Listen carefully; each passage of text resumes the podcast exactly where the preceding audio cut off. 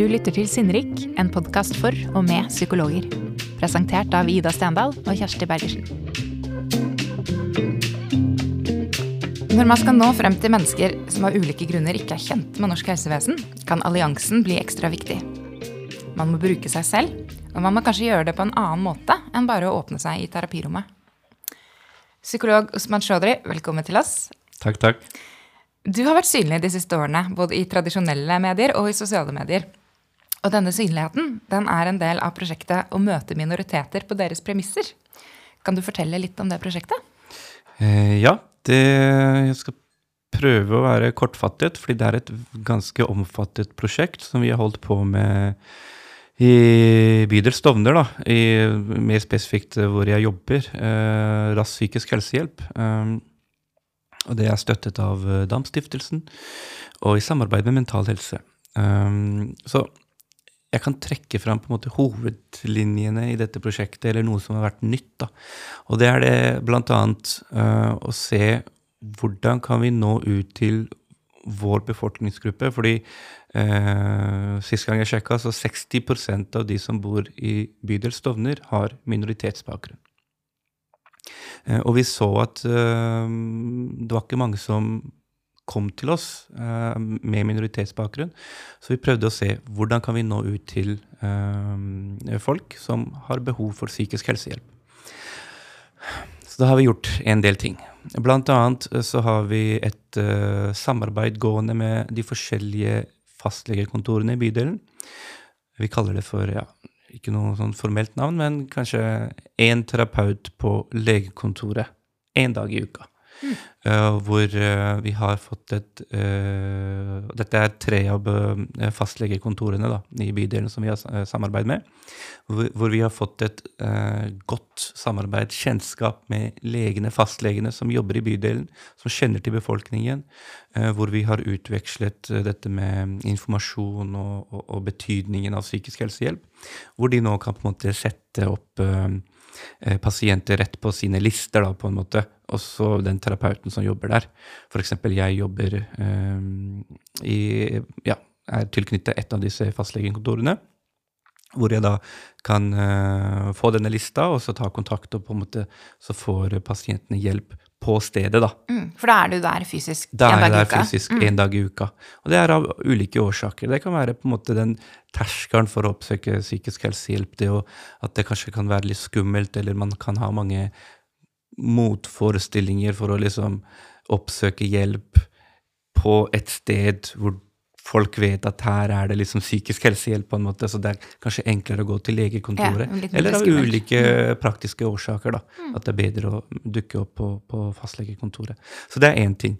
Det andre er noe som heter samhandlingsdrop-in. Og vi har fått til et veldig veldig godt samarbeid mellom forskjellige instanser som er hyppig brukt da, i, i bydelen, bl.a. DPS, uh, Nav, det vi kaller for psykisk helseteam, som har en sånn oppfølging av litt mer kanskje kronisk syke over lengre tid, og rask psykisk helsehjelp, hvor vi en, uh, en, en time i uka møtes og kan på en måte ta opp pasienter på kryss og tvers, brukere, pasienter, som kanskje kan ha, ha behov for hjelp i en annen instans. F.eks. hvis noen som kommer til rask psykisk helsehjelp, sliter litt med Nav, f.eks., og så med samtykke med, av pasienten, så kan vi ta det opp i samhandlingstroppen, og så kan Nav på en måte ha tilgang til alle journaler og ja, jeg vil kalle det ikke for journaler der, da, mm. men på en måte sine systemer. da. Mm. Eh, og så kan vi liksom mer effektivt hjelpe pasienten sammen, da.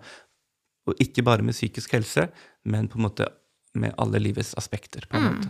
Så det er både det at gjennom psykolog på fastlegekontoret så, så senker man terskelen for å be om hjelp, kanskje. Mm. Også mm. dette med samhandlingstroppen, som ja. Karin Holt har jo vært der og snakket om det Riktig. tidligere. Mm. Da, da, blir det lettere å koordinere hjelp fra ulike instanser. på en Helt måte. Riktig. Ja. Mm.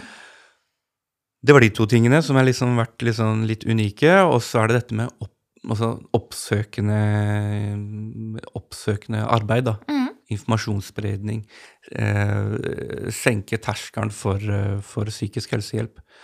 Eh, og, forstå, og, øke forståelsen for psykisk helse, da. Mm, for her har du jo gått litt ut av den tradisjonelle psykologrollen. Stemmer. Ja, Si litt mer om det. Ja. Um, så når vi, hvis vi skal holde oss til bydelen, da, så det jeg har gjort, er å liksom samlet et team av det vi kan kalle for eh, mine Avengers, da, eller superhelter, som er på en måte vi kaller for ressurspersoner, som har som er respektive, altså I sine respektive miljøer så har de godt nettverk og kjennskap. Uh, som har vært interessert i å bidra inn til dette med psykisk helse og psykisk helsehjelp, på en måte denne, den, det arbeidet der, og spre informasjon der. Så har vi på en måte hatt workshops med forskjellige uh, grupper. Med tamilsk bakgrunn, pakistansk bakgrunn, ja, eldre somaliske menn eller kvinner osv. osv. Hvor vi på en måte har hatt en veldig lavterskel-workshop snakket om bl.a.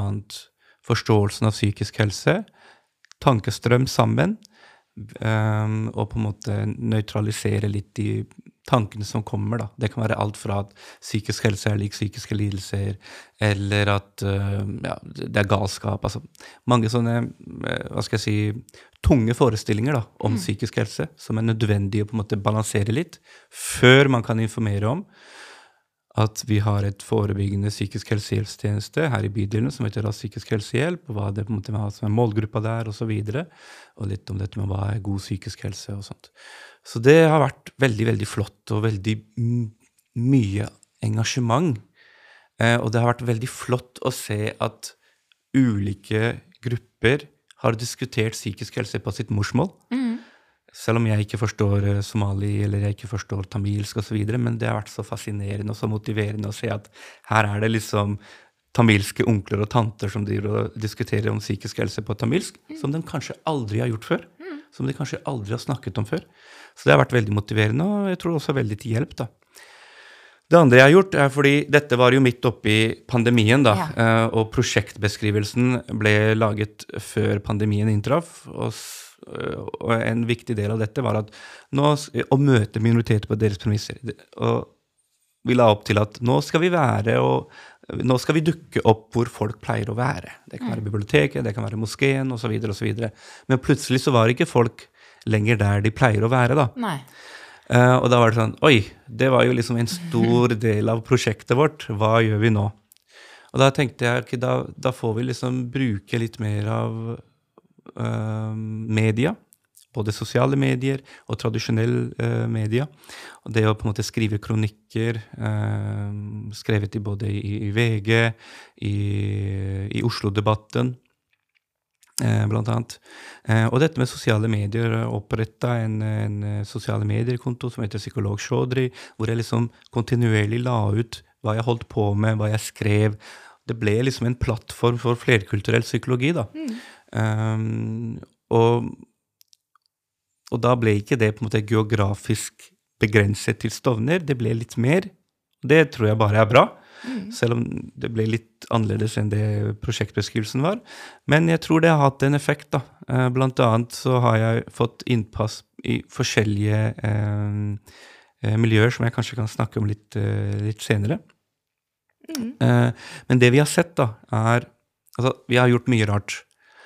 Og dette er ikke noe liksom forskningsbasert, eller noe sånt, det er bare våre egne tall. Men det vi har sett, er at fra 2020 til 2022 så har vi hatt en økning på 161% av folk med minoritetsbakgrunn som har tatt kontakt med oss på Rask psykisk helsehjelp i Stovner.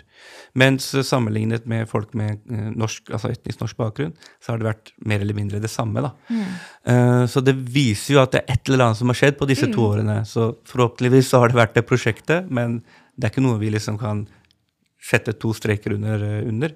Eh, men jeg tror det har hatt en stor stor effekt av det å være synlig og det å liksom snakke med folk om psykisk helse og det å ha alle disse samarbeidsarenaene osv. Jeg har eh, et sitat av deg fra Psykologtidsskriftet som jeg har notert meg, eh, hvor du sier at i mange kulturer er psykiske helseproblemer ukjent og tabubelagt. Vi må ufarliggjøre det ved å snakke om det. Det kan være lettere å nå fram med kommunikasjon og hjelp hvis det er større kulturell spredning blant psykologene. Uh, og det er det jo lett å være enig i etter det du har fortalt nå om, om eh, prosjektet. Um, hvilke grep kan man ta for å få et større kulturelt mangfold blant norske psykologer? Ja. Eh, jeg tror blant annet dette med informasjonsspredning, dette å snakke om psykisk helse, ikke? Folk, folkehelseopplysning. Um, men jeg tror også det trengs et, en målrettet innsats for å rekruttere flere studenter med minoritetsbakgrunn til profesjonsstudiene. Um, for det er jo ikke sånn at det er mangel på kvalifiserte avgangselever eh, der ute med minoritetsbakgrunn. Vi kan bare se mot medisin og odontologi, som er prestisjefulle og anerkjente helsestudier. Mm. Så hva er det som gjør at disse flinke, kvalifiserte avgangselevene ikke har profesjonsstudie i psykologi som en del av liksom vurdering, vurderingen sin når de skal mm. velge veien videre? Uh, så jeg tror om jeg veit ikke hvem som skal gjøre det, om det er Norsk psykologforening, eller om det er eh, universitetene selv, eller om det er noe høyere opp. Jeg vet mm. ikke. Mm. Men jeg tror det er bedre vi, vi, må få til en bedre Kall det for markedsføring, da. Eh, for at profesjonsstudiet i psykologi skal bli på en måte, ja, som sagt, en del av den vurderingen når elever med toppkarakter skal velge studie. Mm. Um, og kanskje også det er jo litt kontroversielt, tror jeg, slik jeg har oppfattet, men mulig også å se litt på dette med autorisasjon av mennesker som, har, som besitter klinisk psykologikompetanse fra andre land, og mm. utdanning fra andre land. Gjør det lettere å få den Gjør det litt lettere, kanskje, eller som på en måte har gått alternative veier for å på en måte oppnå drømmen sin, og kanskje mulig med en etterutdanning eller et eller annet sånt. Fordi da, da tror jeg vil få vi vil få flere kompetente folk med god erfaring, kanskje fra sine hjemland osv., som har drevet med klinisk eh, arbeid, eh, og da som kan jobbe som psykolog eh, her i Norge. Mm. Enn så lenge så, så, er det på en måte en ganske ensartet gruppe som utdanner seg til psykologer. Det er for det meste etnisk norske, som jeg har sagt om, og det er en stor overvekt av kvinner. Ja. Eh, hva kan man gjøre da?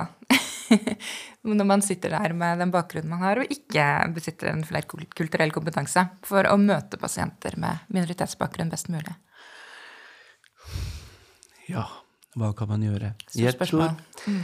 eh, Egentlig så vil jeg si at de fleste gjør jo Altså, man, man det er jo ikke sånn at man skal liksom finne på hjulet på nytt når det gjelder uh, pasienter med minoritetsbakgrunn. Men jeg tror vi må bruke mer av det vi er flinke på. Dette med alliansebygging, dette med uh, og på en måte den, den, relasjonen som vi skal skape med pasienten. Um, fordi vi må tenke at den pasienten med la oss si minoritetsbakgrunn, ikke-vestlig bakgrunn, som sitter i den andre stolen, kanskje aldri har eh, ja, hørt om en psykolog før, hørt om psykisk helsehjelp før, vet ikke hva det innebærer. Kanskje har forskjellige forestillinger om hva det er. Det er skummelt. Kanskje man Folk kan komme fra krig, ha forskjellige traumer. Man kan ha et system i hjemlandet som man ikke stoler helt på. Fordi Ja, av ulike årsaker. Um, så vi må være litt ydmyke. Vi må tenke at der er det en som sitter som trenger å liksom bli omfavnet, da, rett og slett. Og bli betrygget på at her er det trygt. Her kan du liksom åpne deg. Her kan du snakke om eh, dine indre holdt på å si, demoner og tanker. Um, så jeg tror dette med ydmykhet um, Men jeg tror det er også veldig viktig å tenke på sine egne verdier. Være bevisst på hvem er det jeg som er som person. ikke sant? Fordi du kan ikke legge fra deg deg selv som person på liksom nattbordet når du kommer på jobb. Mm. Du er deg selv, selv om du er psykolog. Så det er veldig viktig å være bevisst på hvem er det jeg er som person, hva er mine verdier? Fordi jo mer bevisst og reflektert du er overfor deg selv, jo enklere tror jeg det vil være å møte folk med andre verdier. Da vil det liksom ikke krasje eller skurre, eller da vil det ikke være 'oi, dette vet jeg ikke noe om', eller det, 'her er det et eller annet som skurrer, skurrer, men jeg vet ikke hva'. Det kan kanskje være at det ikke samstemmer med dine verdier, um, og, men som du kanskje ikke helt er klar over. Så jeg tror det å være bevisst og reflektert over overfor seg selv, det er veldig viktig. Um, og så tror jeg dette med å dele mer av seg selv. Um, og når jeg sier det, så kommer jeg på at det er ikke sikkert at det er uh, lurt i alle sammenhenger, ikke sant? Men jeg, jeg, tenker fra et sånt, fordi jeg jobber i en forebyggende psykisk helsetjeneste, så jeg tenker fra på en måte det aspektet der. Men selvfølgelig, folk jobber med kanskje høyrisikopasienter osv., så, videre, så man må kanskje være litt forsiktig. Men jeg tror i, i, i en helhet, om det er DPS eller om det er eh, kommunal tjeneste osv., så, videre, så jeg tror dette med å dele mer av seg selv, være litt mer personlig. Men selvfølgelig ikke privat. ikke? Det er jo en forskjell der. Um, personlig på den måten at det går helt fint å dele litt av seg selv. Dele litt av uh, Kanskje man finner noe felles. uh, kanskje man er små, begge er småbarnsforeldre eller et eller annet. At man finner et eller annet som man på en måte kan uh, danne et bånd med, da. Um, fordi det er jo egentlig til syvende og sist det vi gjør. Vi, det er menneskemøter. Um, og når man skal møte andre mennesker, så er jo dette veldig viktig med det å måte føle seg trygg på hverandre, det å føle at man har noe til felles. Det, det syns jeg er interessant, for dette med å, å, å bruke av seg selv og være liksom bevisst på sin egen bakgrunn og egne verdier, det føler jeg er et tema som nesten bare kommer opp når man snakker om kulturelle forskjeller. Men det er jo noe man bør ha i bakhodet i alle terapimøter, Absolutt. og alle menneskemøter for så vidt. Men um, det fikk meg til å tenke på, det snakket vi litt sammen da vi snakket om, snakket sammen før episoden òg, at psykologer er kanskje tradisjonelt en ganske sånn reservert yrkesgruppe. Eller jeg ser for meg at det er en liten sånn generasjonsforandring der nå, men man har liksom tradisjonelt ikke gitt så mye av seg selv. Ja, jeg har i hvert fall det inntrykket både fra studiet og ellers. Eh, kanskje også fra eh, populærkulturen, ikke sant. Eh, disse psykologene som man ser som bare nikk, sant? nikkedukker, kaller jeg disse for. da. um, som på en måte ikke skal gi noe av seg selv, eller ikke skal respondere, osv. Um, og det er også Av og til så møter jeg faktisk eh, pasienter med ja, la oss si med minoritetsbakgrunn, da, som har hatt en eller annen erfaring i spesialisthelsetjenesten eller noe sånt, hvor de sier at nei, men det, jeg, jeg fikk ikke noe hjelp der, eller det, ble, det var bare snakk, og så, og så ferdig, på en måte. Jeg tror dette med å reflektere sammen, dette med å på en måte være litt mer aktiv som psykolog, som terapeut, det tror jeg er veldig, veldig viktig, og det, det kan man bare gjøre mer av. Um, og og jeg tenker, er det ikke litt rart at vi forventer at den som sitter i pasientstolen, skal utlevere seg selv og sine dypeste tanker, sårbar, sårbarhet og ting fra livet som man kanskje aldri har delt med noen, mens vi skal opprettholde en sånn distansert, gåseøyne profesjonell rolle uten å gi noe tilbake? For meg så er det en logisk brist der, da, på en måte. Vi kan ikke late som at vi er leger og vi skal bare undersøke at det gjør vondt i beinet, på en måte, eller at man har vondt i magen. Man har vondt i hjertet, på en måte, da, om man kan si det. Og når man skal på en måte dele det, så er det ganske sårbart for uansett hvem som sitter i den pasientstolen. Om det er en gammel eller ung, eller om det er en norsk, eller om det er en utenlandsk, eller hvem som helst, så er det sårbart å dele av seg selv. Og da tenker jeg, da er det vår jobb å dele litt av oss selv òg, da. eh, som mennesker. Kanskje f.eks. med våre erfaringer, tidligere erfaringer, eh, med noe som kanskje pasienten går igjennom. Eh, det må selvfølgelig være sant, eh, bearbeidet, og det må være i fortiden for oss. Men, Vi har eh, bevisst forhold til, bevisst til hva vi deler. forhold til hva man deler. Det må være en del av den kliniske vurderingen som man gjør hele tiden. At vil dette være til hjelp for behandlingen på en eller annen måte? Selvfølgelig, man, må, man skal ikke være ukritisk, det er ikke det jeg mener, men dette med å på en måte finne igjen, finne et menneskelig, hva skal jeg si, fellesskap mellom to mennesker, da. Jeg har lyst til å gå litt tilbake til, til, ehm, til prosjektet uh, å møte minoriteter på deres premisser. For jeg nevnte innledningsvis at du har jo vært litt synlig i media det siste. Det var jo sånn vi oppdaget deg òg med denne kronikken om eh, å rekruttere flere menn med, med minoritetsbakgrunn til psykologyrket. Og du har også vært en del på Instagram. Og det ser vi jo at det er flere og flere psykologer som er nå. Det er flere som tar i bruk sosiale medier. Uh, og det kan jo være for å nå grupper det ellers er vanskelig å nå. Mange bruker det for å nå ungdom, f.eks., på deres, eh, der hvor de er. Har du gjort deg noen tanker om, når man som psykolog velger å ta i bruk sånne litt utradisjonelle kanaler, hva bør man tenke på? Og har du hatt noen negative erfaringer med det? Mm. det hele tatt? Jeg tror det er veldig veldig viktig å være reflektert og tenke sak. Hva er det jeg brenner for? Hva er det jeg ønsker å formidle? Og ikke nødvendigvis ikke sant, tenke dette med følgere osv. osv. Det er viktig å finne sin egen stemme og, og på en måte sin egen eh, eh, det man hele tiden har tenkt at ok, når jeg skal bli psykolog, skal jeg jobbe med dette her, liksom. Uh, og det er på en måte, det er det som det er det du brenner for, det er det du kan uttale deg om. ikke sant? Det som engasjerer deg, det som på en måte folk ser. At hvis du snakker om det, så er du engasjert, på en måte. Um, så det å finne sin sak.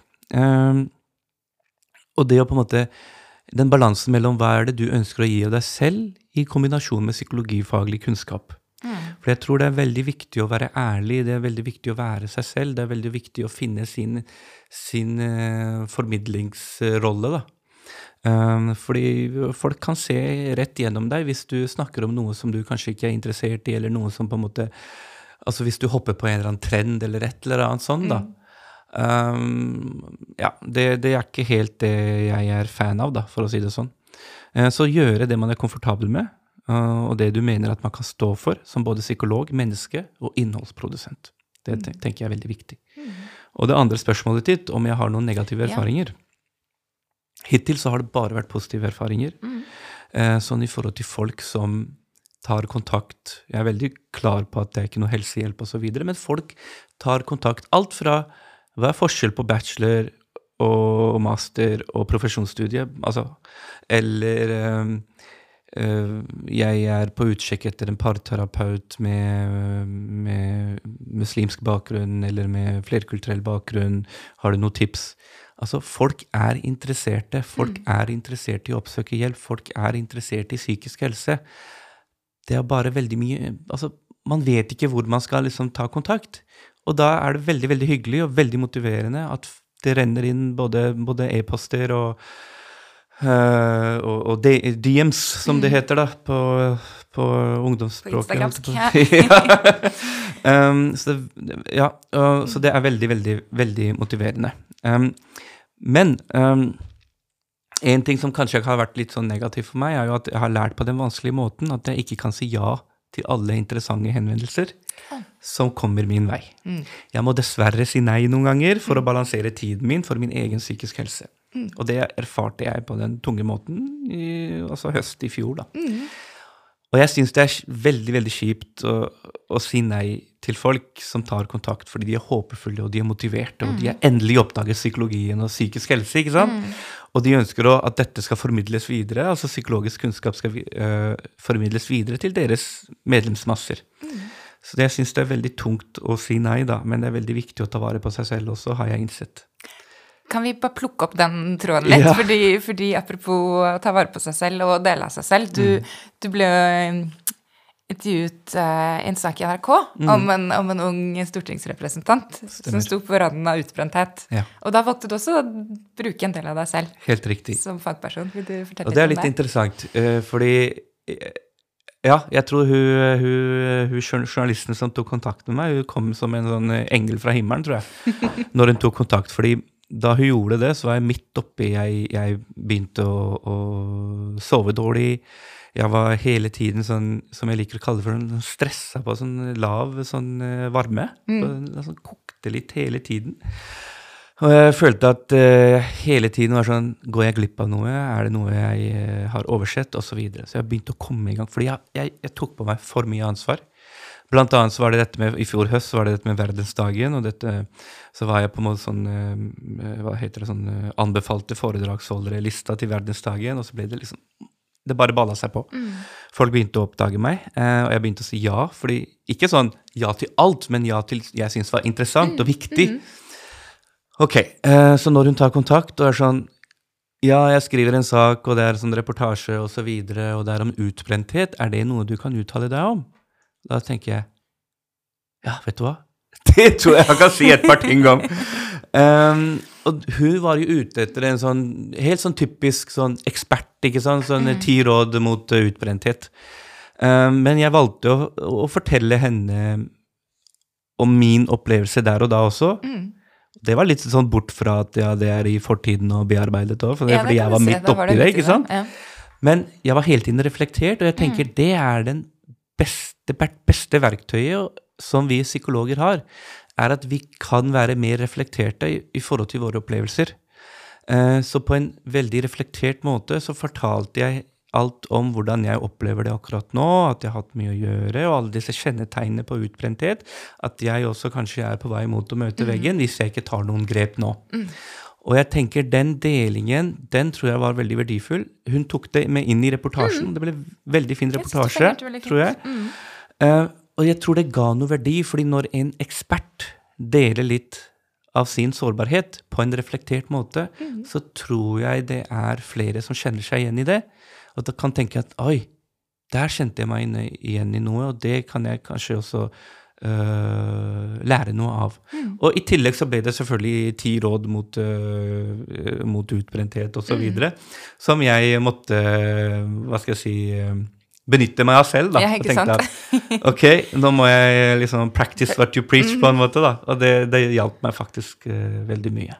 Så Så jeg tror det har en stor verdi, og det å dele av seg selv. Jeg tror vi, vi kan bruke det som en, uh, som en kompetanse, da. Mm. Eh, våre erfaringer, våre opplevelser osv. Vi har jo snakket litt om utradisjonelle måter å nå andre på. Mm. Og du har valgt enda en metode, som også handler litt om å utlevere seg selv, vet jeg, og det er gjennom poesien. Mm. Ja. Fortell om det. Ja. Um, det er jo en bitte, bitte liten diktsamling, liker jeg å kalle det, men jeg håper den har en stor betydning. Um, som heter 'Kall meg pakkis, jeg vet du vil'. Som Når man hører liksom tittelen på, på boka, så kan man først tenke ikke sant, det er en, eh, refererer til nettroll og rasisme og så videre og så videre, og det gjør det. Men jeg, den, jeg vil også like å tro at den refererer til når ja, når man er på det laveste og liksom er veldig, veldig nedenfor, og man, ingenting går din vei, videre, som en, kanskje en third culture kid eller som en flerkulturell eh, nordmann, og du ser deg selv i speilet, og du har faktisk lyst til å si til deg selv liksom at du er en jævla pakkis, liksom. Unnskyld ordbruket. Det går fint. Det ligger mye selv, selvkritikk i den, i den tittelen. Ja. ja. Uh, og det er liksom det som er tematikken. da, Dette med menn og psykisk helse. Dette med Ja. eh, livsbelastninger. Dette med å, å kjenne på at man kan ikke alltid være sterk. Man har man, En mann består også av alle hva skal jeg si, aspekter av følelser. Negative følelser, positive følelser, og alt sammen. Og det er lov å føle på alt fra altså, temaer som eh, forventningspress, det å være litt usikker på hvor er det jeg tilhører i samfunnet, kjærlighetssorg osv. Så, videre.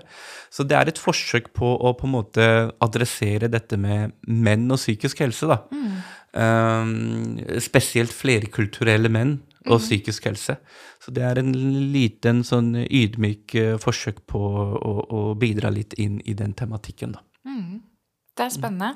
Ja. Ja. Det den er ikke på vårt forlag, så jeg føler jeg har lov til å reklamere Skamløst. Når er det den kommer? Fortell. Ja, det, jeg har en eh, boklansering eh, 15. mars. Eh, det er åpent. Hvem som helst skal komme klokken åtte. Nordic Black Theater, velkommen. Eh, så det er rundt eh, i, i mars, da. Fra at den, midten av mars, At ja. den, fra midten av mars den kommer ut. Mm. Veldig spennende. Helt til slutt, eh, har du noen råd til nyutdannede psykologer som har lyst til å prøve seg litt utradisjonelle kanaler, eller har lyst til å utvide psykologrollen litt? Ja. Um, først vil jeg bare si, det er kanskje, kanskje et av rådene, at psykologi er et så spennende felt at faren er at man kan bli liksom litt lost da, Ja. det, hvis, hvis man ikke er bevisst og reflektert på hva man interesserer seg for mest, eller brenner for, eller ønsker å jobbe med. Så det å på en måte finne din, ditt interesseområde da, i dette veldig, veldig spennende fagfeltet, og veldig omfattende fagfeltet som heter psykologi, um, og på en måte dyrke det på en måte, da. Øh, Jeg liksom, Apropos dette med deling. eh, når jeg begynte å tenke på dette med forebyggende psykisk helsehjelp, og dette med mild til moderat depresjon og angst, og liksom være tidlig inn og hjelpe, og, og som jeg syntes var veldig veldig interessant, og, og veien jeg hadde lyst til å gå, så kom selvtvilen min inn at kanskje jeg burde ha prøvd meg på DPS. Det er jo det alle gjør i spesialisthelsetjenesten. Kanskje jeg burde ha prøvd meg i akutten. Folk sier at uh, det er god erfaring, liksom. Så det er liksom selvkritikken min begynte å, liksom selvtvilen min begynte å komme frem. Men så tenkte jeg nei, vet du hva? Det er det jeg interesserer meg for. Det er det jeg har lyst til å jobbe med. Jeg tar også en spesialisering i samfunns- og allmennpsykologi. Og jeg er, liksom, jeg er så fornøyd med liksom, Jeg har liksom funnet kallet mitt, da, på en Ja. måte. Og, og det tenker jeg Hvis man føler at man har gjort det, så må man bare dyrke det. Fordi det er mye bedre å være veldig flink og veldig interessert og motivert på ett felt enn å prøve seg på alt og tenke hvor er det jeg liksom uh, hører til, da. Mm. Så hvis Noen- man har ja. en faglig interesse, så Ja. bør man følge den. Bare følge Ja. den. Mm. Uh, og, og det kan endres, ikke sant, det, men, uh, men prøv å følge, følge det. Det andre er å være seg selv i møte med andre. Eh, igjen, vi har snakket litt om det. Reflektere over hvem du er. ikke sant? Hva er dine verdier? Det, og, og på en måte være trygg på det. fordi er du trygg på deg selv, så kan du være trygg på det ukjente som du kanskje noen ganger møter, eller ofte møter. Uansett om det er en eh, pasient med minoritetsbakgrunn eller en etnisk norsk som eh, er fra Sørlandet, og du er fra, liksom, fra, fra nord, eller liksom, hva det nå enn er. Det er menneskemøter, og vi møter på mye ukjent. Så er du trygg på deg selv, så er du også trygg på det ukjente. Liker jeg å tro. Um, del av deg selv når du mener at det har en klinisk verdi for pasienten. Skap en allianse. Det er det viktigste, tenker jeg. Og det å um, på en måte Det tredje må være at å, å vite at man ikke vet, tror jeg er en undervurdert holdning. Hvordan da? Um, fordi jeg tror de fleste psykologer er veldig, lider litt av dette med å være flinke gutter og flinke piker, holdt jeg på å si. Så med en gang man møter på noe ukjent, så tenker man oi, dette burde jeg kunne, eller oi, hva er det jeg møter nå, på en måte. Um, og det er helt ok. Det, det er, du kan ikke vite alt. Du kan ikke vite om alle kulturer. Du kan ikke vite om alt som finnes der ute i verden. ikke sant? Og da er det helt ok å si at du, det har jeg faktisk ikke hørt om, eller det kjenner jeg ikke til. Kan du hjelpe meg med å fortelle mer? Og det er helt ok, og det er faktisk, tenker jeg, en veldig, veldig vik et veldig viktig verk verktøy man har for bl.a. det å på en måte um, um, skape allianse, det å på en måte få frem ressursene til pasienten. ikke sant? Vise pasienten at her har du også noe å bidra med. Nå bidrar du, nå skal du fortelle noe som du vet som jeg ikke vet om. Og det å på en måte styrke pasientens rolle da, i det samarbeidet man skal ha. Så det å eh, vite at man ikke vet alt, eh, tenker jeg er en sånn viktig tanke å ta med. Være litt ydmyk. Være litt ydmyk. Absolutt. Tusen takk for at du kom. Jo, takk selv.